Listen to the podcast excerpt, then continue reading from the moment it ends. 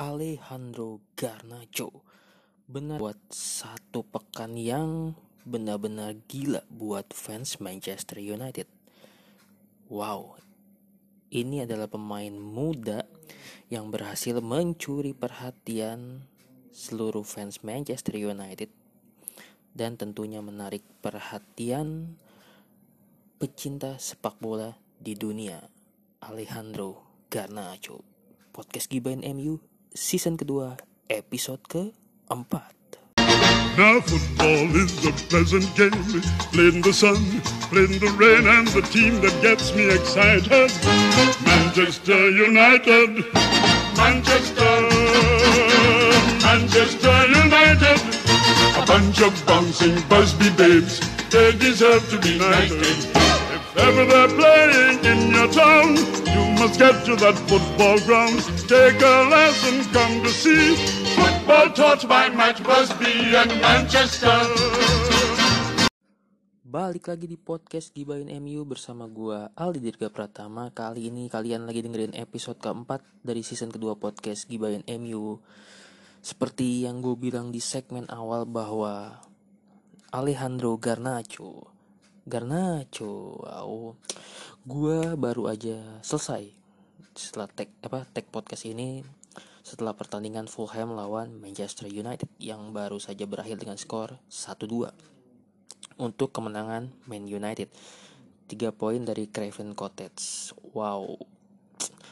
Gua hampir berpikir kalau match ini bakal berakhir imbang satu-satu. Meskipun sebenarnya MU punya banyak peluang di babak pertama. Tapi pada akhirnya butuh di menit-menit terakhir ya, di injury time untuk memastikan 3 poin yang dibawa pulang ke Manchester. Alejandro Garnacho menjadi pembeda di pertandingan ini. Dia masuk di babak kedua dan berhasil bikin gol. Ini kalau pelatihnya masih Sir Alex pasti udah disebutnya Fergie time, ya kan? Fergie time.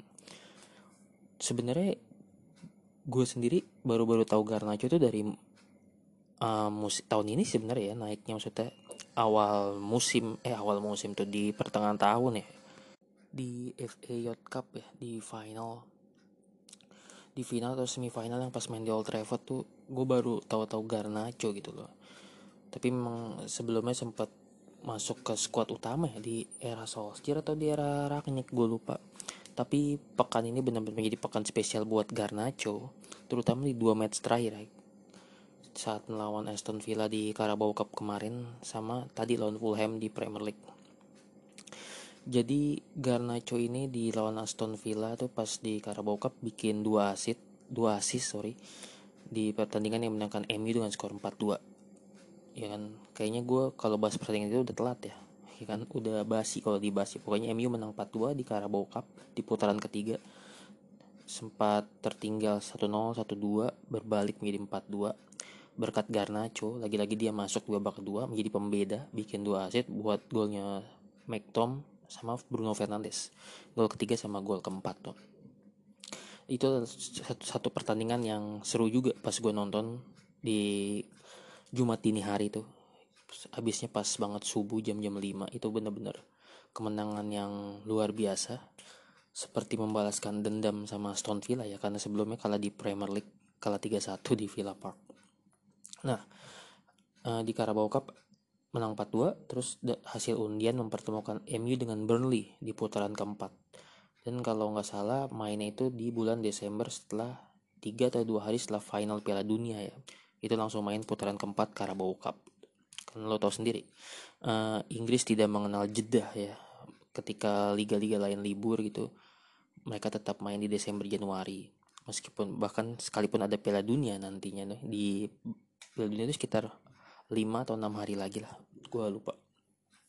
Karena tidak excited banget ya Piala Dunia tahun ini. Auranya beda banget. Nanti kita bahas Piala Dunia di episode kayaknya episode selanjutnya deh kita bahas Piala Dunia. Dan kemenangan lawan Fulham ini benar-benar menurut gue sangat-sangat ah, melegakan ya jujur. Karena sebenarnya MU kalau lo nonton di babak pertama itu menguasai bisa menguasai pertandingan ya tapi sayang lagi-lagi seperti yang udah-udah di pertandingan-pertandingan lainnya kalau MU sering buang-buang peluang gitu loh. Itu yang sangat disayangkan finishingnya masih sangat buruk gitu loh. Jadi ada beberapa peluang dari Bruno Fernandes dan Christian Eriksen ya bikin gol pertama di menit ke-14 ini gol pertamanya dia buat Man United. Ke gawang Fulham ke gawangnya Leno Leno itu mantan kipernya Arsenal ya. Jadi sementara Eriksen adalah mantan pemain eh pernah main di Spurs. Jadi ya cukup adalah. Jadi eh, satu kosong babak pertama dan akhirnya di babak kedua satu jadi satu sama di menit ke 61 mantan pemain MU Daniel James menyamakan kedudukan menjadi satu satu. Ini gue tadi mikir pas apa uh, line up diturunkan satu jam sebelum kick off gue tadinya mikirnya Andres Pereira yang bakal yang bakal bikin gol ke gawang David De Gea. Ternyata justru Daniel James. Gue sendiri lupa ya Daniel James ternyata ada di Fulham. Karena gue mikirnya Daniel James itu ternyata dia Leeds United gitu loh. Ternyata dia udah ada di Fulham. Dan gue emang gak ngikutin Daniel James banget gitu. Semenjak dia hengkang ke, ke Leeds ya dari Manchester United. Musim lalu ya kalau nggak salah hengkang atau awal musim lalu atau di Januari gue lupa. Dan di babak kedua Fulham lebih menguasai pertandingan jujur aja. Beberapa kali gawang De Gea tuh digempur dan akhirnya setelah melakukan beberapa penyelamatan penting seperti biasa akhirnya gawang kebobolan juga sama Daniel James itu. Sama dan Fulham lini tengah bahkan dimenangin sama Fulham loh di babak kedua. Gue lupa tadi pemain siapa itu pemain Fulham yang bener-bener bikin pemain MU nggak bisa melakukan tidak bisa menguasai lini tengah ya. Dan akhirnya ya tadi gue bilang Garnacho menjadi pembeda ya di menit-menit terakhir golnya dia di benar-benar di last minute gitu di 90 plus 3 umpannya dari Christian Eriksen. Jadi Eriksen bisa dibilang cukup berperan juga di pertandingan ini sangat-sangat berperan ya. Dia bikin satu gol dan satu assist untuk Garnacho. Dan gol Garnacho ini langsung membanjiri sosial media seperti yang teman-teman lihat ya kan. Dia bisa apa uh, apa ya namanya bikin rekor ya kan? Menjadi pemain termuda kedua ya. Yang pemain kedua Manchester pemain termuda kedua Manchester United yang bisa mencetak gol di Premier League ya setelah Federico Makeda ya. Makeda itu cetak gol di tahun musim 2008-2009 tuh. Pas MU menang lawan Aston Villa 3-2 dan gue saat itu nonton pertandingannya. Dan Garnacho bener-bener ini gue pengen banget apa ya bahas Garnacho. Cuman waktunya nggak begitu banyak teman-teman untuk tag postcard sekali ini. Cuman Garnacho ini dalam satu pekan terakhir benar-benar mencuri perhatian ya. Mulai dari yang pas Garnacho itu bikin gol pertama buat MU di Europa League kan pas lawan Real Sociedad di laga terakhir ya. Yang sebenarnya kita bisa aja jadi juara grup kalau menang 2-0 jadi rezekinya cuma satu gol. Dan Garnacho buka keran gol di situ dan asisnya dari Cristiano Ronaldo. Dan tadi dia bikin satu gol. Ini gol pertama dia di Premier League. Dan kemarin di Carabao Cup dia bikin dua assist gitu. Jadi tanpa eh nggak dihitung pas kalah lawan Via ya. Jadi satu pekan terakhir buat Garnacho sangat istimewa. Dia memang nggak dipanggil timnas Argentina ke Piala Dunia tapi gue yakin di bawah Erik Ten Hag ini bocah bakal kalau dipoles dengan benar ya sebenarnya banyak ada rasa ketakutan nih. Karena kan lihat selebrasinya Garnacho itu pas lawan Sociedad itu mengikuti Cristiano Ronaldo.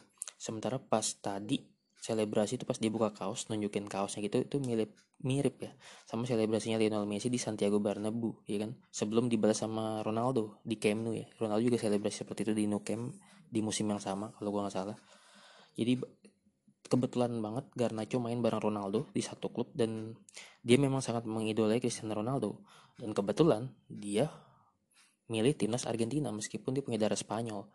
Dia milih timnas Argentina dan yang kebetulan adalah negaranya Lionel Messi gitu. Jadi memang sangat mengaitkan dua mega bintang ini loh si Garnacho ini lebih ke Messi atau ke Ronaldo gitu.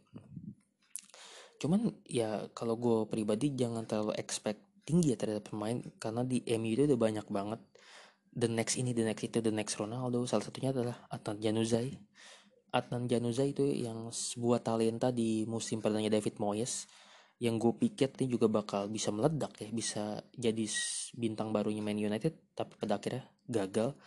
Karya Januzaj pun akhirnya melempem ya setelah di MU gue lupa dia pindah ke Sociedad ya kalau nggak salah. Terus sempat di Sunderland atau di West Ham lupa gue sampai sendiri gue sendiri sampai nggak inget Januzaj itu dari pas dari MU pindah ke mana ya selain Sociedad ya.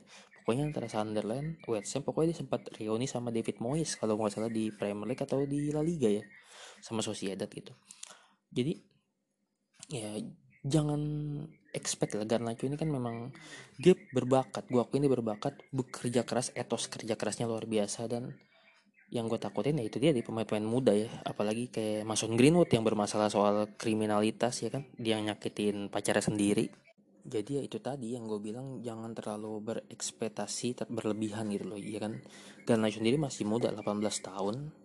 Jadi masih banyak yang bisa kita lihat dari dia. Semoga dia konsisten di bawah tenak juga ya kan. Dan apa ya namanya semoga juga dia motivasi dia untuk semakin membaik semakin apa ya semakin membaik lah maksudnya. Motivasi dia tuh semakin ada untuk menjadi lebih baik ya. Apalagi dia satu klub sama Ronaldo terus satu timnas sama Lionel Messi meskipun si Garnacho ini nggak dipanggil ke Piala Dunia ya. Dan kan nggak dipanggil Garnacho ke Piala Dunia cukup menguntungkan ya. Sebenarnya kalau nggak salah MU bakal bikin laga friendly match selama Piala Dunia. Gue lupa lawan apa ya kayak maksudnya klub Spanyol ya dua klub Spanyol. Dan semoga Garnacho diikut sertakan gitu loh untuk terus mengasah kemampuan dia nih. Sebenarnya sayang banget ya Garnacho lagi agak naik performanya gini lagi naik naik ya. Ada jeda Piala Dunia gitu loh. Tapi sebagai fans ya gue juga berharap ya dari jeda Piala Dunia ini klub-klub di atas MU tuh nantinya bisa apa namanya terpleset gitu. Salah satunya Arsenal. Wah gila. Kalau ngeliat Arsenal musim ini tuh luar biasa banget sih. Harus gue akuin ya seperti yang gue bilang di episode lalu. Arsenal memang luar biasa musim ini gitu loh ya doa gue sebagai fans MU tentu aja. Mudah-mudahan ada perubahan dari Arsenal setelah Piala Dunia gitu loh ya kan? Dan kemenangan lawan Fulham nih kita balik lagi ke pertandingan Fulham lawan MU tadi. Kemenangan yang mengantarkan MU mm, di posisi peringkat kelima klasemen sementara Premier League ya dengan 26 poin. Di bawah Tottenham Spurs ya 29 29 poin beda 3 poin. Dan di bawahnya MU itu Liverpool 22 poin peringkat ke-6 jadi klasmennya Arsenal 37 poin, City 32 poin, Newcastle, Newcastle ini juga mengejutkan 30 poin sama Spurs 29. Dan City sayang banget ya kalah ya di pekan ini lawan Brentford ya. Ya nggak heran juga ya. Brand MU pun kalah sama Brentford ya 4-0. ya kan? Jadi ya gitu ya teman-teman ya. Maksudnya bentar lagi Piala Dunia ya Piala Dunia yang sebenarnya tidak seru ya tidak ada gairahnya sebenarnya. Gue sebenarnya cukup benci ya sama international break jeda-jeda negara gitu. Sebenarnya kalau Piala Dunia lebih enak memang pas musim panas ya karena udah kebiasaan seperti itu kan dari dulunya Juni Juli gitu loh. Dan sekarang karena harus menyesuaikan dengan iklim di Qatar jadi mau nggak mau main di winter musim dingin gitu loh. Cuman ya sangat mengganggu ya ini tadi musim-musim klub-klub Eropa gitu yang lagi seru-serunya sebenarnya udah masuk pertengahan musim kan. Tapi ya mau gimana lagi semua memang udah diputusin sama FIFA gitu. E, baik lagi ke Garnacho ya ya gitu aja sih yang bisa gue bahas ya di episode kali ini Garnacho.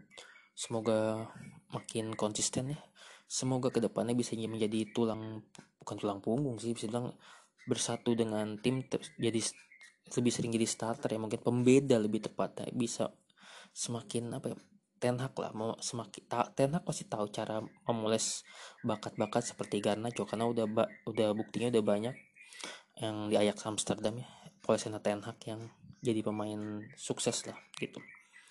Gitu aja kali ya teman-teman di episode kali ini di episode keempat dari season kedua podcast Gibain MU karena waktu juga cukup sempit nih gue juga masih sangat ngantuk jadi mungkin akan mau tidur dulu uh, beristirahat sebelum melakukan aktivitas di pagi hari nanti gitu ya. Teman-teman terima kasih yang udah mendengarkan podcast Gibain MU episode keempat.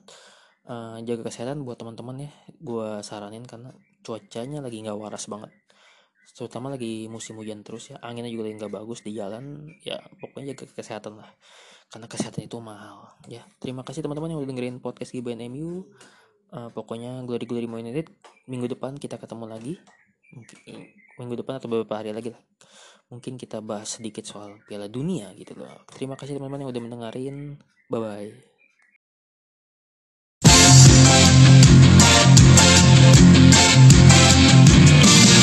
Setiap saat Bayang selalu hadir menerpa. Walau pikiranku selalu dipenuhi Kebohongan Namun semua